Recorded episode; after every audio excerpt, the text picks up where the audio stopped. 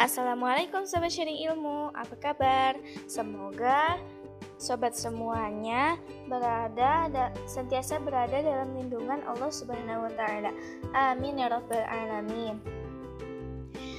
Insya Allah hari ini Ana akan sharing tentang uh, tentang keistimewaan lebah. Nah, Serangga betina memiliki peran penting dalam kelompok serangga ini. Perilaku lebah sangat ditentukan oleh perilaku lebah betina. Beberapa lebah betina spesies ter tertentu hidup sendiri, dan sebagian lainnya dikenal e, memiliki perilaku sosial. Lebah soliter membangun e, lebah soliter membangun sendiri sarangnya dan mencari makan untuk keturunannya tanpa bantuan lebah lain dan biasanya mati atau uh, biasanya mati atau meninggalkan sarang pada saat keturunannya belum menjadi lebah dewasa. Kadangkala beberapa spesies lebah soliter memberi makan dan merawat anaknya tanpa memberikan cadangan makanan bagi anaknya. Bentuk hubungan seperti ini dikenal dengan istilah subsosial.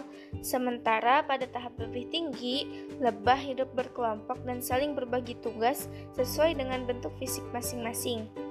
Dalam suatu kelompok, dalam suatu kelompok atau disebut koloni terdapat tiga kasta yaitu satu lebah ratu. Lebah ratu berjenis kelamin betina yang merupakan induk dari semua lebah dalam satu koloni. Jumlahnya hanya ada satu di setiap koloni. Dua, lebah betina. Lebah betina dikenal sebagai lebah pekerja yang jumlahnya bisa mencapai puluhan ribu, 30 ribu ekor lebah dan yang bibit unggul bisa mencapai sampai 60 ribu ekor lebah. Lebah jantan Lebah jantan jumlahnya hanya ratusan ekor lebah. Setiap kasta lebah mempunyai tugas masing-masing. Lebah ratu hanya satu ekor dalam setiap koloni dan mengawal semua kegiatan lebah betina dan lebah jantan. Komposisi kromo kromosomnya diploid sehingga dapat menghasilkan keturunan. Badannya lebih besar karena sejak masih dalam bentuk larva, ia diberi makan susu lebah atau royal jelly yang kaya akan vitamin dan gizi. Tugas utama ratu lebah adalah bertelur selama hidupnya. Berjenis kelamin betina, perkawinan ratu lebah ini hanya sekali seumur hidup. Perkawinan dilakukan dengan cara terbang tinggi di angkasa pada cuaca cerah dan pejantan yang biasa yang bisa mengejarnya akan dapat mengawini sang ratu lebah. Pejantan ini tidak lama kemudian akan mati karena testisnya lepas dan tertanam pada ovarium ratu lebah.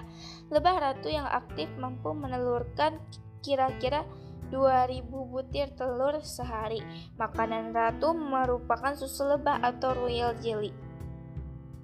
Tugas lebah pekerja berjenis kelamin betina mengumpulkan serbuk sari dan, dan nektar.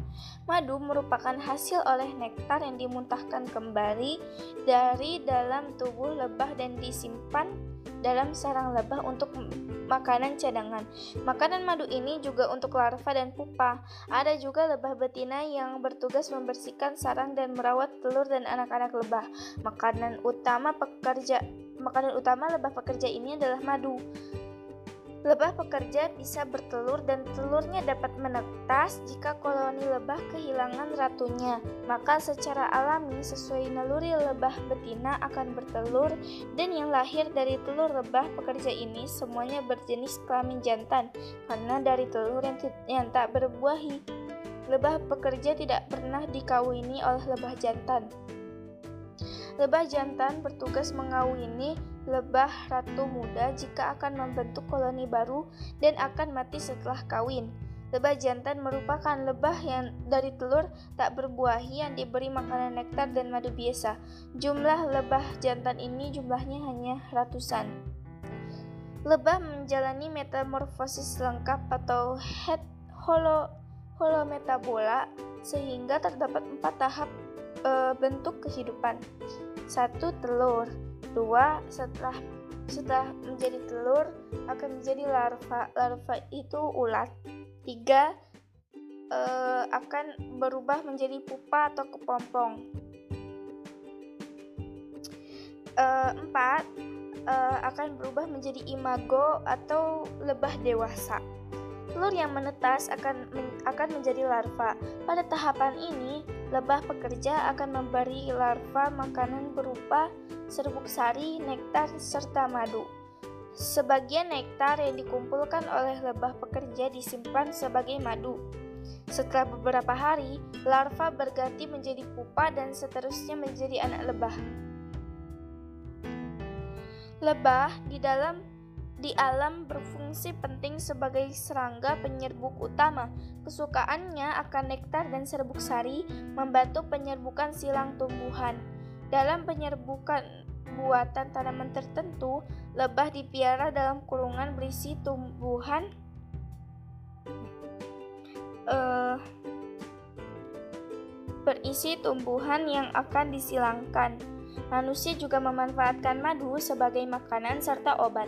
Pemeliharaan lebah untuk diambil madunya telah dilakukan manusia sejak lama. Ilmu tentang lebah dan pemeliharaannya dikenal sebagai apiari. Usaha peternakan lebah juga disebut dengan nama tersebut. Madu yang dihasilkan lebih disukai oleh banyak hewan, khususnya beruang.